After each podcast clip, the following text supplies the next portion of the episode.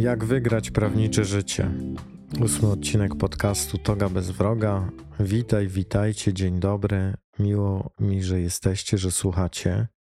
Na wstępie chciałem z całego serca podziękować za komentarze, wiadomości prywatne, ale też za e, akty wdzięczności innego rodzaju, z którymi dane mi się było spotkać, w tym za wizyty, ponieważ no, ta materia podcastowa wpływa na to, że, że pojawia się w Was potrzeba spotkania ze mną i porozmawiania o swoim prawniczym życiu. Za to wszystko z całego serducha dziękuję. I dzisiaj o wygrywaniu prawniczego życia, czyli o tym, jak być wygranym w pracy, w której przegrana w gruncie rzeczy jest na porządku dziennym. Będzie to odcinek o tym, jak walczymy i jak ta walka jest wpisana w nasz zawód, w naszą codzienność. I będę próbował Cię zachęcić do poszukiwania własnej drogi, częściowo w oparciu o moje doświadczenia i spostrzeżenia, własnej drogi, jak wygrać swoje prawnicze życie, albo jak walczyć bez walki, albo, no właśnie, to już od Ciebie zależy, czego potrzebujesz, jak to zdefiniujesz i co wybierzesz. Przy tym odcinku czuję się w obowiązku powiedzieć, dlaczego w ogóle projekt mentoringowo-coachingowo-edukacyjny, który prowadzę, nazywa się Toga bez wroga.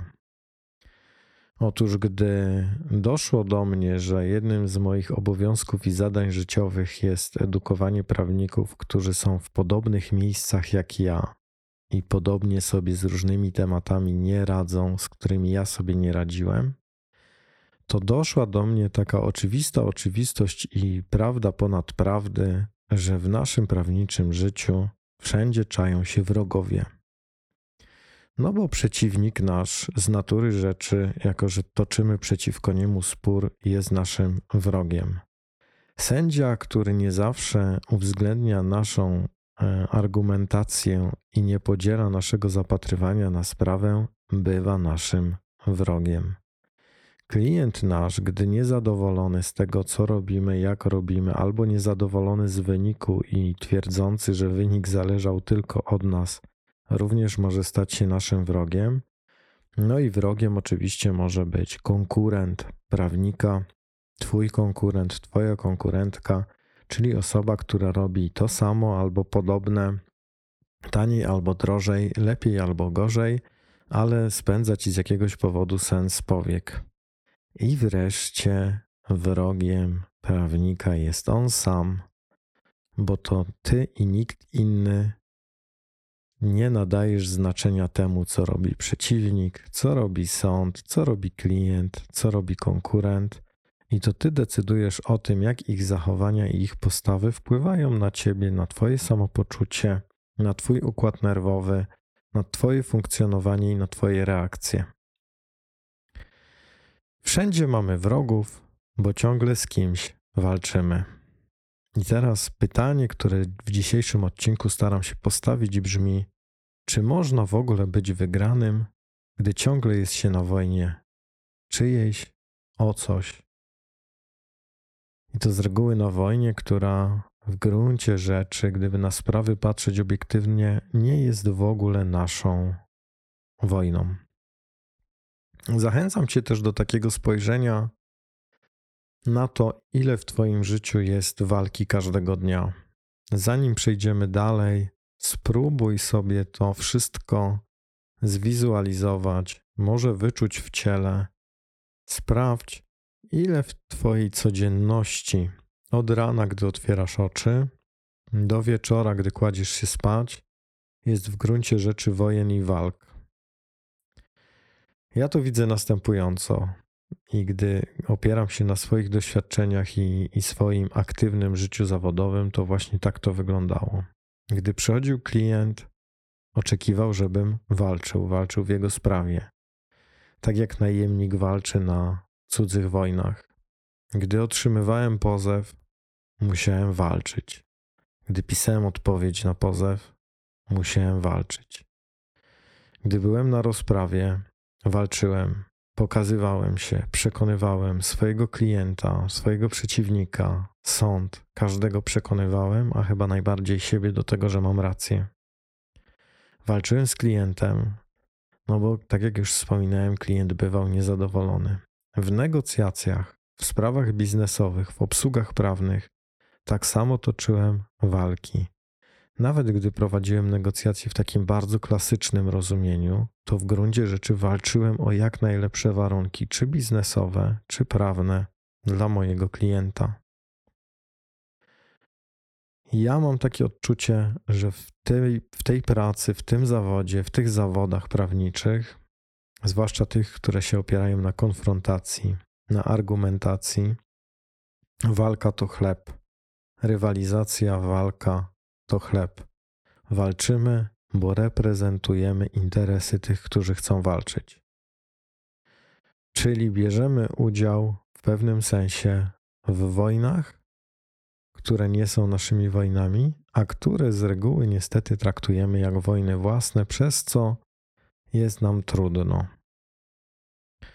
No i teraz zwróć uwagę, jak bardzo musi boleć przegrana, gdy jest się ciągle na wojnie i ciągle w walce. Ktoś, czyim zawodowym zajęciem jest walka, natura rzeczy wskazuje, chce wygrywać. Więc jak trudno musi być dla niego przegrywanie, skoro ciągle jest na wojnie i regularnie, co wynika też z natury rzeczy i z prostej matematyki, jest po stronie przegrywającej. Chciałbym też, żebyś zwróciła, zwrócił uwagę na to, na ile jesteś skonfigurowana, skonfigurowany do walki we wszystkich swoich życiowych okolicznościach. Ja miewałem tak, i to przez długi okres czasu, że byłem prawnikiem 24 godziny na dobę. Snów akurat z tamtego okresu życia nie pamiętam, więc albo ich nie zapamiętywałem, albo była to dla mnie materia totalnie nieistotna, abstrakcyjna i ezoteryczna. Natomiast za dnia walczyłem nieomal cały czas.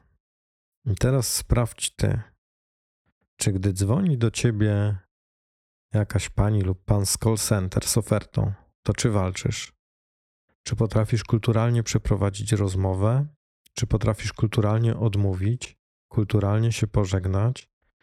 Czy od razu grozisz RODO tym, że będziesz pozywać i że to jest Twój numer do celów służbowych, a na stronie kancelarii podajesz go tylko po to, żeby komunikować się z Tobą w sprawie Twojej oferty? Albo czy gdy na LinkedInie, Instagramie, na Facebooku, Facebooku albo TikToku widzisz Twojego kolegę, koleżankę albo konkurentkę, konkurenta i ich treści, albo widzisz, że mają dużo polubień, mnóstwo komentarzy albo odsłon, to czy ty, twoje myślenie, twoje ciało ustawia się do kolejnej walki i rywalizacji? Czy potrafisz sobie pomyśleć, o jak fajnie, dobrze jej idzie, dobrze mu idzie i cieszyć się tym, że ktoś, kto być może nawet robi to samo co ty, być może dla klienta jest twoim konkurentem, ma się dobrze i mu się wiedzie.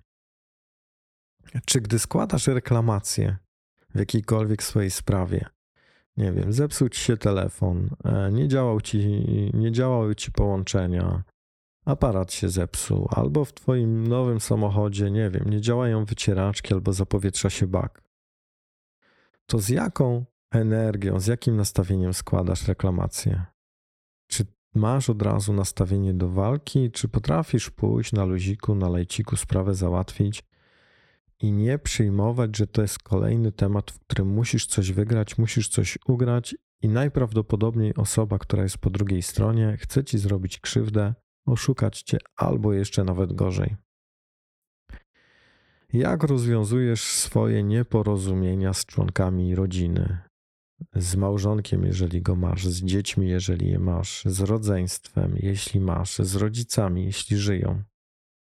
Czy w takich sytuacjach, które nie dotyczą prawniczego życia i gdzie nie trzeba argumentacji, jesteś ustawiona, ustawiony na komunikację, na ciekawość, na gotowość zainteresowania się tym, co ma do powiedzenia drugi człowiek?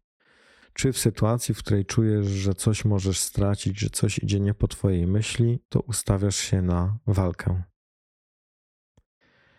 I pewnie przychodzą Ci do głowy inne sytuacje. Sprawdź je, e, zastanów się nad nimi, przemyśl je, co to za sytuacje i czy potrafisz w takich sytuacjach właśnie walczyć i tylko walczyć, czy potrafisz je rozwiązywać zupełnie inaczej. Ja jestem cały czas z takim pytaniem i na nie będę starał się dzisiaj e, odpowiedzieć, czy osoba, która walczy ciągle o wygraną, nie jest przez sam ten fakt przegraną. No bo gdy ciągle walczę o wygraną, to cała moja energia w gruncie rzeczy, cała moja aktywność życiowa, wszystkie moje zasoby są zaangażowane w bitwę, w wojnę, w nieporozumienie. I to są zaangażowane niezależnie od tego, jaki będzie wynik. No bo czy wygram, czy przegram, nie zmienia to faktu, że moja energia jest na polu bitwy. Oczywiście tu od razu zrobię zastrzeżenie, że pole bitwy jest polem bitwy nie samo przez się, tylko dlatego, że takie nadajesz mu znaczenie. To ty interpretujesz sytuację jak pole bitwy, to ty przyjmujesz określone nastawienie, w związku z czym Twoje myśli w określony sposób się ustawiają pod to nastawienie, czyli ustawiają się do walki. Twój mózg wysyła sygnały do układów nerwowego, krwionośnego i tym podobnych, po to, by wytworzyła się określona biochemia Twojego ciała, która jest odpowiedzią na to, że pojawiają się myśli wokół walki, a tym samym Twoje ciało jest przygotowane do walki. I próbuję przez to powiedzieć, że być może, gdybyś w sytuacjach, w których jesteś na co dzień, nie nadawała, nie nadawał im takiego znaczenia, że to, że to są sytuacje wojny, walki, rywalizacji, konfliktu, konkurencji, to Twoje ciało mogłoby w nich funkcjonować zupełnie inaczej. Twoje myśli mogłyby być skoncentrowane wyłącznie na zadaniu obecnym, teraźniejszym, a nie na projektowaniu walki, i najprawdopodobniej czułabyś, czułbyś się o wiele lepiej. Dlatego jeszcze raz zadaję to pytanie: czy osoba, która ciągle walczy, stara się o wygraną, nie jest przez sam ten fakt już osobą przegraną, bo walka to napięcie, walka to określona biochemia ciała, walka to określony sposób myślenia. Czy z tego, że wygrywam, skoro jestem wyczerpany, bo całą swoją energię włożyłam, włożyłem w pole bitwy, moje relacje są takie, jakbym chciała, jakbym chciał. Jeżeli wszędzie wchodzę z energią konfliktu, z energią wojny, rywalizacji, to najprawdopodobniej tam, gdzie się pojawiam, robi się gęsto, pojawia się napięcie, stres, zacietrzewienie. Typowe chyba dla prawników takie zacięcie. Ale czy o to chodzi?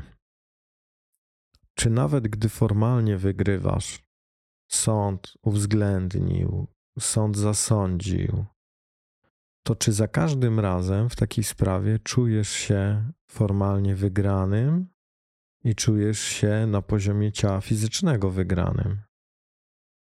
Czy mówiąc inaczej, wygrana formalna jest też wygraną Twoją w sensie Twojego samopoczucia? Czy zawsze wygrywasz, gdy wygrywasz? To nie są błahe pytania, dlatego że walka i nastawienie do walki w moim odczuciu powoduje ogromne straty energetyczne. Jeżeli do sposobu wykonywania tej pracy nie podchodzimy na odpowiednim luzie, nie jesteśmy w takim flow, w przepływie, w lekkości, w zdystansowaniu do wykonywania tej pracy, to raczej jesteśmy przez większość czasu napięci. Możesz wejść na LinkedIna, Facebooka, Instagrama i zobaczyć zdjęcia profilowe swoich koleżanek i kolegów. I na tych twarzach z reguły rozpoznasz napięcie związane z tym, że taka osoba jest przez całą dobę albo przez większość swojego czasu zawodowego, a być może i prywatnego, w niekończącym się nastawieniu do, do walki. Więc czy wygrywanie jest wygrywaniem? Jeżeli nastawienie, moje myśli, moje ciało nie są takie, nie są w takim stanie, w jakim chciałabym, chciałbym, żeby były. No i to wszystko oczywiście prowadzi do, do tytułu dzisiejszego odcinka i do pytania, czy można w tym zawodzie w ogóle być wygranym i czy można wygrać prawnicze życie, jeżeli życie to całe jest zdefiniowane i wypisane atmosferą walki i walczenia. Czy jest być może dla ciebie jakiś sposób na to, by wykonywać tę pracę bez walki, mimo że z punktu widzenia obserwatora ta praca polega na walce? Co mam na myśli? Mam na myśli to, że być może jesteś w stanie siedzieć na negocjacjach w ciemnej, z, zaduszonej salce konferencyjnej, w sądzie na rozprawie, albo w czasie mediacji u mediatora ze swoim klientem, i pomimo tego, że i dla klienta, i dla Twojego przeciwnika jest to miejsce walki, to Ty masz, zdobędziesz, wypracujesz sobie taką umiejętność, dzięki której będziesz w pracy i w wykonywaniu określonego strategicznego zadania bez odczuwania walki w sobie. Czyli zdystansujesz się do tej sytuacji, zdystansujesz się do tej walki. Będziesz prowadzić walkę bez walki. Będzie to walka na poziomie obserwatora i tego, co by zarejestrowała kamera, ale nie będzie żadnej walki w tobie. Będziesz w spokoju, w wyrównaniu, w satysfakcji te, z tego, co robisz. Zastanów się, czy to możliwe, czy to dla ciebie możliwe. Czy potrafisz złapać taki dystans? Czy potrafisz tak się odseparować od problemu swojego klienta, od zachowania swojego przeciwnika, od tego, jak postępuje pani sędzia czy pan sędzia? Czy możesz się zdystansować i podejść do tego na luzie? Czy wiesz jak? Czy szukałaś, szukałeś kiedykolwiek sposobu na to, żeby to zrobić? Czy może uwierzyłaś, uwierzyłeś, że to po prostu niemożliwe, bo w tym zawodzie po prostu trzeba się spinać i już koniec, kropka, kurna mać. A może nie trzeba. I tutaj w parze z tym tematem jest jeszcze, jeszcze taki jeden temat, o którym pisałem ostatnio w mediach społecznościowych, czyli na Facebooku, LinkedInie i Instagramie że gonitwa, zmęczenie, wypalenie zawodowe i rozjechany work-life balance w moim odczuciu biorą się właśnie z niekończącego się konkurowania i zabiegania. Konkurowania z kimś, zabiegania o coś lub o kogoś. W tej konkurencji, w tym zabieganiu też w gruncie rzeczy jest to nastawienie na walkę też jest tutaj rywalizacja i walka, to znowu jest jakaś wojna w Twoim życiu. Ja jestem zdania, i to są oczywiście subiektywne poglądy autora, że jeżeli nasza energia jest skumulowana w całości na zewnątrz nas, na pogoni, na próbie dorównania komuś, dorównania czemuś, kim czym nie jesteśmy, to przegrywamy i to przegrywamy nawet gdy formalnie wygrywamy. No bo jeżeli punktem odniesienia dla nas, dla tego jak, jak się czujemy, jak się wyceniamy, jak się oceniamy, jak się wartościujemy, są inni, czyli kolega z pracy, szef, patron, rywal, klient, konkurent, albo klient, który ma kasę i którego boimy się stracić, to jeżeli oni są, te sytuacje są punktem odniesienia dla nas, dla naszego dobrostanu, satysfakcji, radości, to jesteśmy w ciągłym biegu. Walczymy, walczymy, by coś uzyskać, albo walczymy, by czegoś nie stracić. Walczymy, by uzyskać więcej pieniędzy, więcej klientów, więcej szacunku, więcej wygranych w statystykach, albo walczymy, żeby tego nie stracić, gdy już to mamy. No bo najpierw się walczy o to, żeby mieć, a potem jak się ma, to trzeba walczyć o to, żeby nie stracić. I ciągle się przez to z kimś mierzymy. Ciągle się do kogoś porównujemy. Ja, dla mnie to było mega ważne odkrycie, że dopóki ja się z kimś mierzę, dopóki się do kogoś porównuję, dopóki komuś oddaję odpowiedzialność za wycenienie mnie, za powiedzenie mi, że ja jestem w czymś dobry, to cały czas traktuję siebie jako niewystarczającego. Niewystarczającego dla siebie samego. Dla siebie samego, w przypadku kobiety, niewystarczy, jestem niewystarczająca dla siebie samej. Porównywanie się, mierzenie się, powtarzam, w moim świecie doprowadziło mnie do odkrycia, że robiłem to, bo czułem się niewystarczający, jeszcze za słaby, jeszcze niegodny, niegodny, żeby zaśpiewać więcej klientowi, niegodny, żeby się pokazać e, w, w relacji wideo na Instagramie, niegodny, żeby to, niegodny, żeby tamto. Inni robili, ja na nich patrzyłem, ale ja się czułem niegodny, bo cały czas uważałem, że jeszcze mi czegoś brakuje i jeszcze muszę coś zrobić. Jeszcze muszę spełnić jakiś dodatkowy warunek, żeby móc wyjść do świata i powiedzieć: Oto ja, taki jestem, tak działam, tak myślę, tak wyglądam. I koniec, kropka. Komu się nie podoba, dziękuję, do widzenia. Komu się podoba, tego zapraszam. No i próbuję przez to powiedzieć i zachęcić Cię do, być może zachęcić Cię do takiego myślenia, że walczymy, bo nie potrafimy sobie przed sobą powiedzieć: Jestem ok, jestem wystarczająca, jestem wystarczający, jestem w porządku. Nie muszę już nikomu niczego udowadniać. Po prostu wykonuję swoją pracę rzetelnie. Kropka. Pracę albo wykonuję swoją pasję rzetelnie. Tego Ci życzę żebyś mogła mógł tak powiedzieć.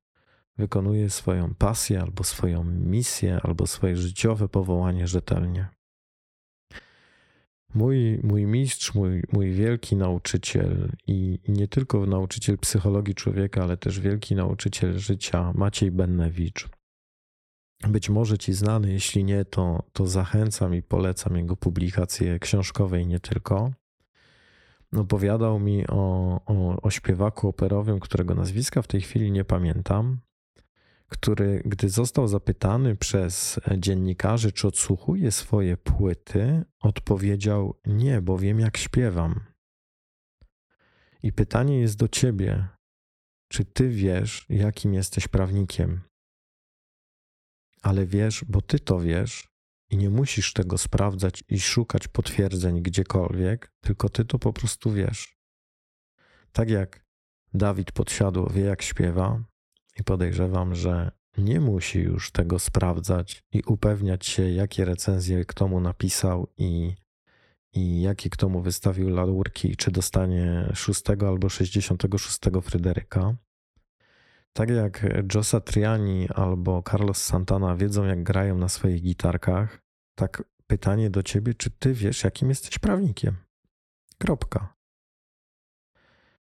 Na takiej zasadzie, że wiesz to i nikt nie jest w stanie tego podważyć, bo ty to wiesz, bo masz pewność siebie, pewność tego, kim jesteś i jak, jaki, jaka jesteś. Czy masz w sobie taką pewność na, na takim poziomie, że nie potrzebujesz już dyplomów, lajków, udostępnień, komentarzy, kolejnych 100 tysięcy złotych albo euro w miesiącu, albo w kwartale, albo w roku? Czy możesz powiedzieć, wiem co robię i wiem jak to robię, i takie to po prostu jest. Robię najlepiej jak potrafię, i nie ma już dla mnie znaczenia, jak robią inni. Mogę zobaczyć, podpatrzeć, ale nie będę się już porównywać i traktować siebie jako gorszego, dlatego że nie robię czegoś, co robią inni, bo robię na pewno rzeczy, które robię tylko ja, bo jestem unikatowa i unikatowy na swój sposób. Inaczej rzecz biorąc, czy możesz z czystym sumieniem odpuścić coś, co robi twój konkurent, albo jakiś człowiek, którego obserwujesz, nie wiem, w mediach społecznościowych i który ci imponuje? Czy możesz to odpuścić? Na Instagramie pojawił się to jako przykład podaje Bartosz Jakimiec. To jest taki prawnik z Niemiec, który prowadzi na Instagramie taki profil Uważny Prawnik, który to profil z całego serca Wam polecam. Ja nie ukrywam, w pewnym momencie obserwuję profil Bartosza i myślę sobie, ja pierdzielę, jak on to robi. Ja tutaj robię te, te różne posty, podcasty i tym podobne, a on w przeciągu miesiąca ma już tysiąc obserwujących, gdzie ja mam niecałe 500. I szybko sobie na to, na to wszystko odpowiedziałem, że ja nie jestem w stanie i nie chcę siedzieć na Instagramie kilka godzin dziennie, albo zatrudniać osoby, która będzie siedzieć kilka godzin dziennie, przeglądać posty innych, udostępniać, cały czas robić relacje, bo mam inne rzeczy do zrobienia i inaczej organizuję swój czas. Co chcę powiedzieć? Że Bartosz robi super to, co robi po swojemu, a ja robię super to, co robię po swojemu. I on, i ja mamy przed oczyma w swoich serduchach pewną misję, ponieważ i on, i ja staramy się zmienić świat prawników. Ale nie jesteśmy konkurentami. Ja trzymam za niego kciuki, trzymam kciuki za to, co robi, gdziekolwiek go to zaprowadzi, bo wiem, że robi dobrą robotę, ale wiem też, że nie jestem nim i nie będę funkcjonować w takim modelu, który dla niego jest być może naturalny i ok, i dobry. Dla niego to łatwość i lekkość zrobić 8-10 relacji na Instagramie każdego dnia, e, obserwować posty innych prawników, czytać je, komentować je i wrzucać je do swojej relacji, budując w ten sposób społeczność. Ja tego po prostu nie czuję. Ja wiem, co robię, jak robię i jak chcę to robić. Jeżeli w tym, o czym opowiadam, czujesz, że w jakikolwiek sposób porównuje te dwie osoby, czyli Bartosza i Adama, to chciałem Cię zapewnić, że nie. To są dwie różne osoby i każda z nich wyraża się i robi tak, jak czuje i tak, jak potrafi. I do takiego sposobu myślenia i funkcjonowania próbuję Cię zachęcić. Niech inni robią tak, jak czują, a Ty rób tak, jak Ty chcesz i tak, jak Ty czujesz. Ja nie jestem Bartoszem, Bartosz nie jest mną. On jest sobą, a ja sobą. I w tym miejscu spróbuj spojrzeć na swoje życie w taki sposób, że w Twoim życiu chodzi przede wszystkim o Ciebie. Nie o Twojego sędziego, jego myśli i zachowania na rozprawie, nie o Twojego klienta, i o to, jak postępuje, jak się zachowuje, jakie znaczenie przypisuje wygranej lub przegranej. Nie o Twojego konkurenta czy rywala, nie o Twojego przeciwnika, tylko o Ciebie. W Twoim życiu chodzi o Ciebie. Ani Twój klient, ani sędzia, ani konkurent, rywal, ani konkurent nie żyją Twojego życia i nie zadbają o Ciebie. Gdzie, gdy będziesz lokować całą energię w nich, a nie w siebie, to najprawdopodobniej do niczego dobrego ci to nie zaprowadzi. Nie będziesz nimi i to, co zrobisz dla nich, tylko częściowo i tylko pozornie może wpłynąć na to, kim jesteś ty. Dlatego zachęcam cię, żebyś w swojej działalności, w swojej pracy była, był przede wszystkim sobą. Po co się starać być jak ktoś inny, skoro można być wyłącznie sobą, być jak ja. I być może teraz sobie myślisz, no fajnie Adam w teorii, łatwo powiedzieć, a ja odpowiadam, no oczywiście, że łatwo powiedzieć, bo dużo trudniej, dużo trudniej zrobić. Co zrobić, żeby być wygranym prawnikiem w swoim prawniczym życiu, w swojej aktywności zawodowej? Po pierwsze, potrzebujesz znaleźć swoją własną odpowiedź ty potrzebujesz poszukać w sobie, w swoim funkcjonowaniu, w swoim modelu funkcjonowania, w tym jak działasz, jak żyjesz, jak pracujesz, odpowiedzi na wszystkie pytania, które są kluczowe dla ciebie, żeby czuć się dobrze i czuć się wygranym. Pomimo walki, która jest wpisana w ten zawód i która towarzyszy temu zawodowi nieomal każdego dnia. Nawet jeżeli jesteś in-house'em, nawet jeżeli jesteś prawnikiem bez uprawnień, nie masz togi, to i tak walka jest na scenie każdego dnia w Twojej pracy. Myślę, że nawet notariusz w gruncie rzeczy, może już nie tak często, ale też spotyka się z przejawami walki w swojej pracy. Sędzia stoi pośrodku dwóch skonfliktowanych stron z reguły. Jest osią tego konfliktu. Stoi w osi pomiędzy jednym a drugim, więc jest szarpany przez obie strony konfliktu. Szukaj swojej odpowiedzi na pytanie, o co potrzebuje zadbać, by być wygranym prawnikiem i by to, że walka towarzyszy tej pracy każdego dnia, nie sprawiło, że ja będę w walce non-stop i w konfliktach wewnętrznych. Ja mogę Ci podpowiedzieć, co ja zauważam i co w moim odczuciu, na co warto zwrócić uwagę, gdy chce się być wygranym prawnikiem. Więc tym się teraz z Tobą podzielę, a Ty weź sobie z tego, co chcesz. Możesz wziąć wszystko, możesz wziąć trochę, możesz nie brać nic. To są moje odpowiedzi, w dodatku te, które mi spontanicznie przyszły do głowy, a nie wszystkie, bo myślę, że mógłbym, mógłbym książkę na ten temat napisać. Więc ty zadecyduj, co z tych moich odpowiedzi, z moich sugestii w ogóle do ciebie trafia, a resztę wyrzuć do śmietnika. Po pierwsze, zadbaj o swój dobrostan. Bez dobrostanu, bez poczucia dobrostanu będziesz w walce i nie zdołasz się zatrzymać. Osoby przemęczone, wyczerpane, nadużywające siebie, niedbające o sen, o posiłki, o odpoczynki, o wodę, są napięte, a gdy są napięte, łatwo wybuchają, łatwo są rozdrażnione e, i dzieją się wokół nich trudne rzeczy. Dlatego zadbaj o swój dobrostan. Martin Seliman dobrostan definiował przez pięć czynników. Krótko ci o nich opowiem, być może przyjdzie czas na, na nagranie odcinka wyłącznie na temat dobrostanu. Zadbaj o po pierwsze emocje, po drugie o poczucie sensu w swojej pracy, po trzecie o efekty, aby praca przynosiła satysfakcjonujące dla ciebie efekty, o relacje i o flow, czyli przepływ. O flow też pewnie pojawi się osobny odcinek, ale to jeszcze, jeszcze zobaczymy.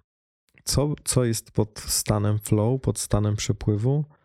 No, wspomniany mój mistrz mawiał, że flow daje takie poczucie wykorzystania jednocześnie sensu, sensu swojej pracy, talentu w swojej pracy i radości, optymizmu w swojej pracy. Więc gdy w Twojej pracy jest połączony sens, talent i optymizm, to najprawdopodobniej jesteś w stanie flow. O co jeszcze potrzebujesz zadbać? O swoje przekonania, o swój software, o to, co myślisz na temat rzeczywistości, pracy, innych ludzi, stron procesu, E, klienta i tak. Twoje przekonania definiują Twoją rzeczywistość i to też będzie najprawdopodobniej kolejny temat na odcinek, który zresztą już zapowiadałem. Siła, empatia i radość. Potrzebujesz w swojej pracy korzystać z wszystkich trzech tych elementów i zadbać o ich zrównoważenie, ponieważ jeżeli przesadzasz z siłą, to może ci brakować empatii. Jak przesadzasz z empatią, to mogą ci wchodzić na głowę i może brakować ci siły. Jeżeli brakuje ci radości, to możesz być ponury i posępny, a przecież to tylko praca i tylko kawałek życia. I tak naprawdę sprawa, która dzisiaj jest super ważna, za dwa lata już najprawdopodobniej o niej nie będziesz pamiętać. Więc po co to napięcie, po co ta powaga, po co ta śmiertelnie poważna mina? Siła, empatia, radość. Zadbaj o work-life balance.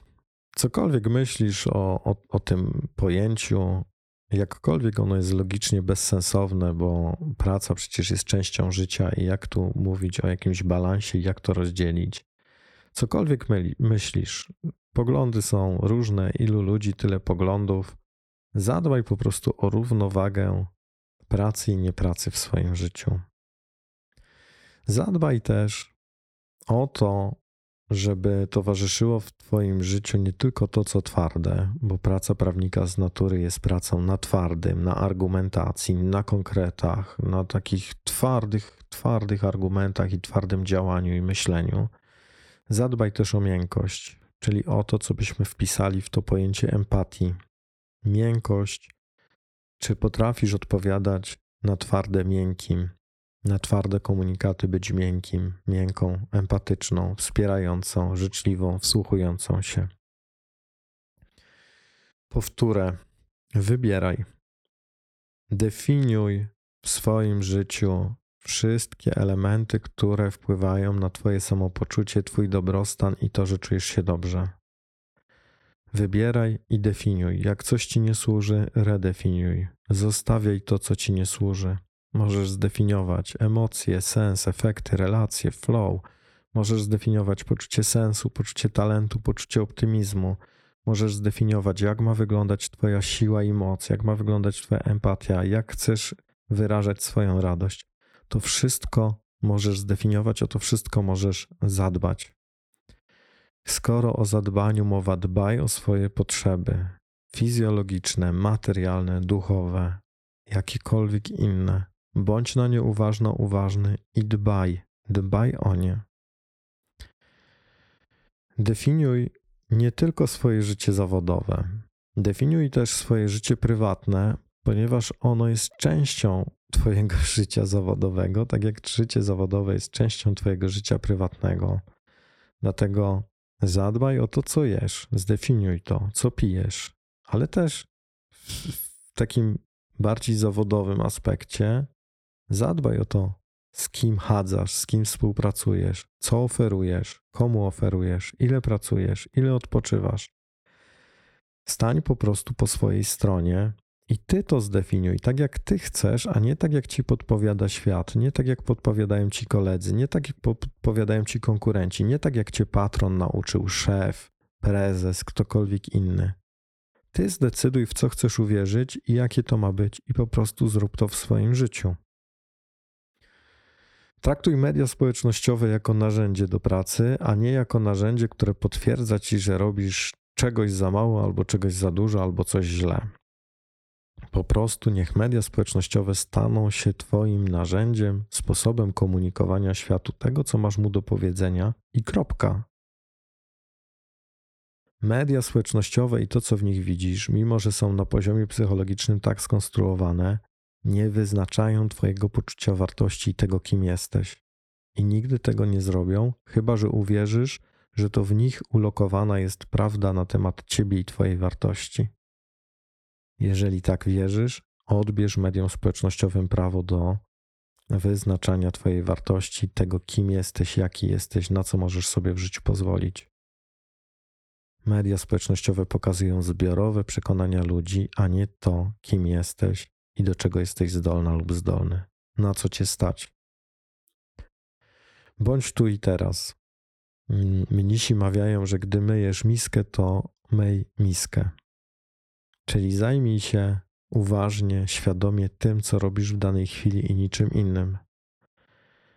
Zapewniam, nic nie zabiera tak dużo energii, jak rozpamiętywanie przeszłości, że ktoś coś powiedział, ktoś coś zrobił, ktoś mnie zranił, ktoś mnie jakoś potraktował, lub prognozowanie przyszłości, co ze względu na różne atawistyczne nasze e, uwarunkowania zmierza do tego, że raczej widzimy przyszłość w czarnych kolorach i się zamartwiamy czymś, co jeszcze nie nastąpiło. Bądź w tu i teraz i żyj w tu i teraz.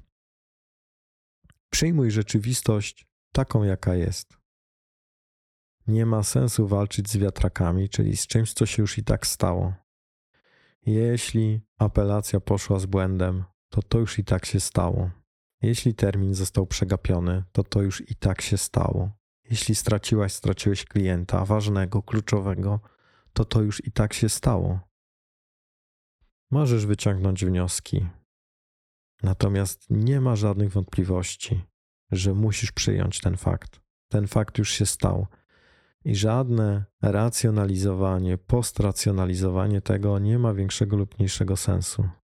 Nie dowiesz się, dlaczego klient ostatecznie odszedł. Nawet to, co ci powiedział jako przyczyna odejścia, nie musi być prawdą. Skup się na tu i teraz, na tym, że tak właśnie jest. I skup się na tym, jak chcesz, żeby było. Rozpamiętywanie przeszłości, rozdrapywanie ran nikogo nie uleczyło. Dbaj o rytm.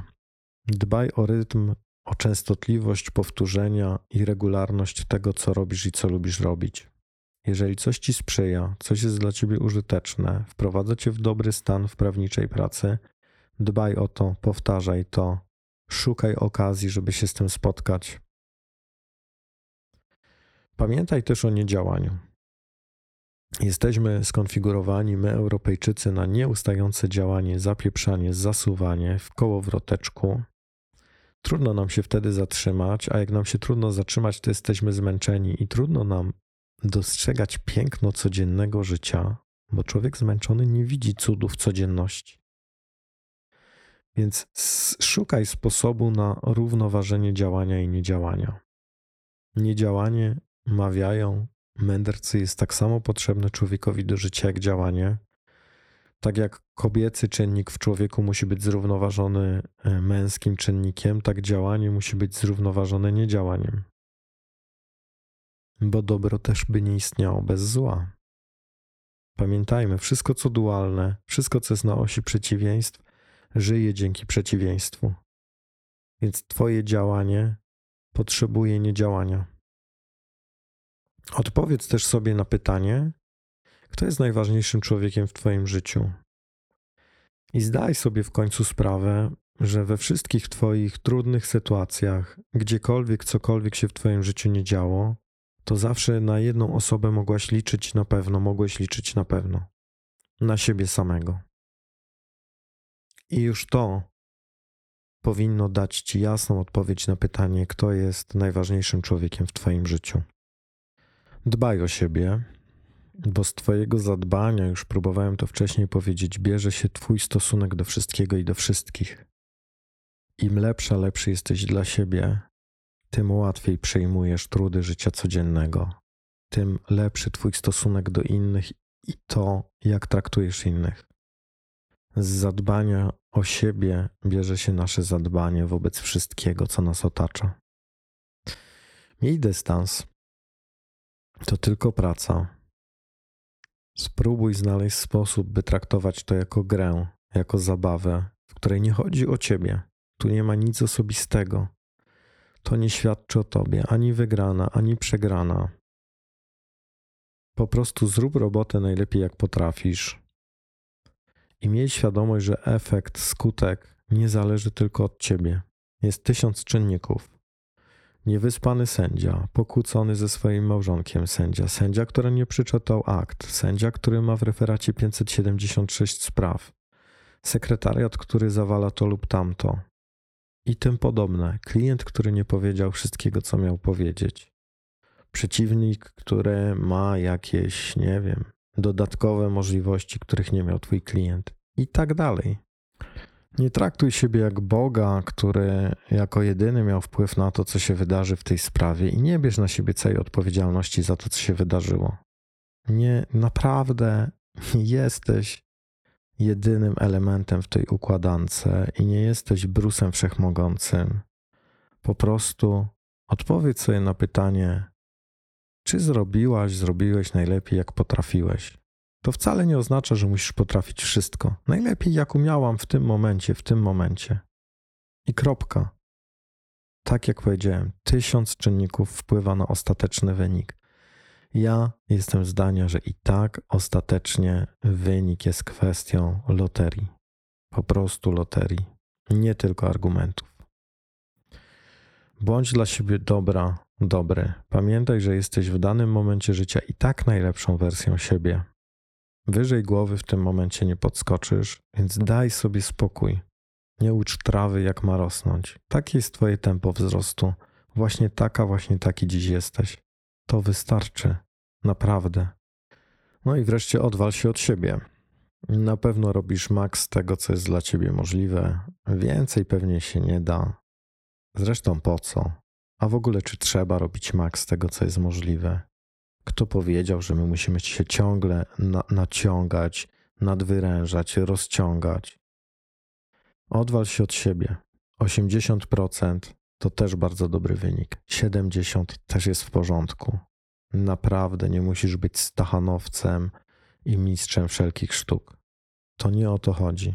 Przecież tu chodzi o Twoje życie i o to, żebyś czuła, czuł się dobrze. No i bądź wartościowa, bądź wartościowy dla siebie. Tak siebie definiuj, bez względu na to, co robisz lub czego nie robisz, bez względu na to, jakie masz zarobki, jakich masz klientów, jakie odnosisz sukcesy, jakie dyplomy wiszą na Twojej ścianie, w Twojej kancelarii, w Twoim gabinecie, albo są schowane w Twoim biurku lub w Twojej szafie. Po prostu uświadom sobie, że jesteś wartościowa, wartościowy bez względu na wszystko. Dopóki ludzie ci nie powiedzieli, rodzice, nauczyciele, wychowawcy, że Twoja wartość zależy od czegokolwiek, to byłaś, byłeś szczęśliwym, radosnym dzieckiem, które się cieszyło z tego, że istnieje i że jest. I Twoja wartość nie zależała od jakiegokolwiek innego czynnika zewnętrznego. To ludzie ci to powiedzieli i w to uwierzyłaś, uwierzyłeś. Możesz z tym skończyć i powiedzieć sobie: Basta, jestem wartościowa, jestem wartościowy, kropka. Bez względu na warunki. Mawiają, że prawdziwa miłość jest miłością nieuwarunkowaną. Więc zdejmij warunki z akceptowania siebie i z wyceniania swojej wartości przed sobą. Po prostu przyjmij, że jesteś wartościowa. No i to, czym zawsze na koniec odpoczywaj. Nawet gdy pracujesz, szukaj w tym luzu, lekkości, czyli łącz siłę, empatię, radość, sens, talent, optymizm, flow, efekty, emocje, sens i tym podobne. Po to, żeby ta praca była dla ciebie lekutka, pomalutku, po lekutku, na spokojniutku i żebyś czuła się naprawdę w tym, czuł naprawdę w tym. Okej, okay, super. Super, że idę do pracy, super, że wracam z pracy, super, że wygrałem, super, że przegrałem. A, robię najlepiej jak potrafię. Mam spokój. Potrafisz? Spróbujesz chociaż? Szczerze zachęcam z całego serca. No i jak to zwykle na końcu, hmm, chciałem podziękować za odsłuchanie odcinka. Chciałem zachęcić do recenzji odcinka i recenzji podcastu. W Apple Podcast i w Spotify możesz to zrobić. Jeżeli chciałabyś, chciałbyś wesprzeć podcast i to, co robię w ramach projektu Toga bez wroga, możesz to zrobić na Patronite, patronite.pl ukośnik Toga bez wroga. Możesz postawić mi symboliczną kawę za 5 zł e, i wykupić taką tam subskrypcję, która na pewno wesprze mi w prowadzeniu podcastu, innych działań Toga bez wroga, które też są wymienione na Patronite. Będzie mi miło, jeśli coś takiego zrobisz. Będzie mi też miło, jak tego nie zrobisz. Dla mnie jest to po prostu ok. Natomiast szczerze zachęcam, gdyż jest to jedna z form, które pomagają nam, czyli naszej fundacji, prowadzić ten projekt.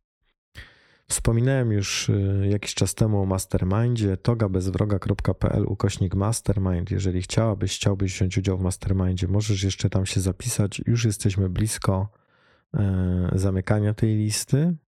Na stronie togabezwroga.pl możesz też się zapoznać z tym, co robię, jaka jest, jaka jest moja oferta w ramach Fundacji Ambicje.org, którą wraz z moją kochaną żoną prowadzimy. E, z prawnych względów oczywiście informuję, że niniejszy materiał jest materiałem autopromocyjnym projektu Toga bez wroga Fundacji Rzeczonej Fundacji Ambicje.org. Zachęcam Cię też do lektury najnowszego odcinka, najnowszego wydania magazynu prawniczego, który kiedyś nosił tytuł Marketing Prawniczy. Po 10 latach e, ten brand zmienił nazwę i jest tam mój cykl pod tytułem Prawnik dobrze zdefiniowany. Pierwszy odcinek zachęcam do lektury, jest, jest, jest przepięknie wydane to czasopismo i jest przepiękna szata graficzna mojego, mojego artykułu. Jest mi niezmiernie miło. I to nie jest y, sponsorowany post i sponsorowana treść, dlatego że robię to z własnej inicjatywy, z wdzięczności do Jacka Stanisławskiego i Marcina Tomczaka, którzy mnie zaprosili do tego, do tego przedsięwzięcia.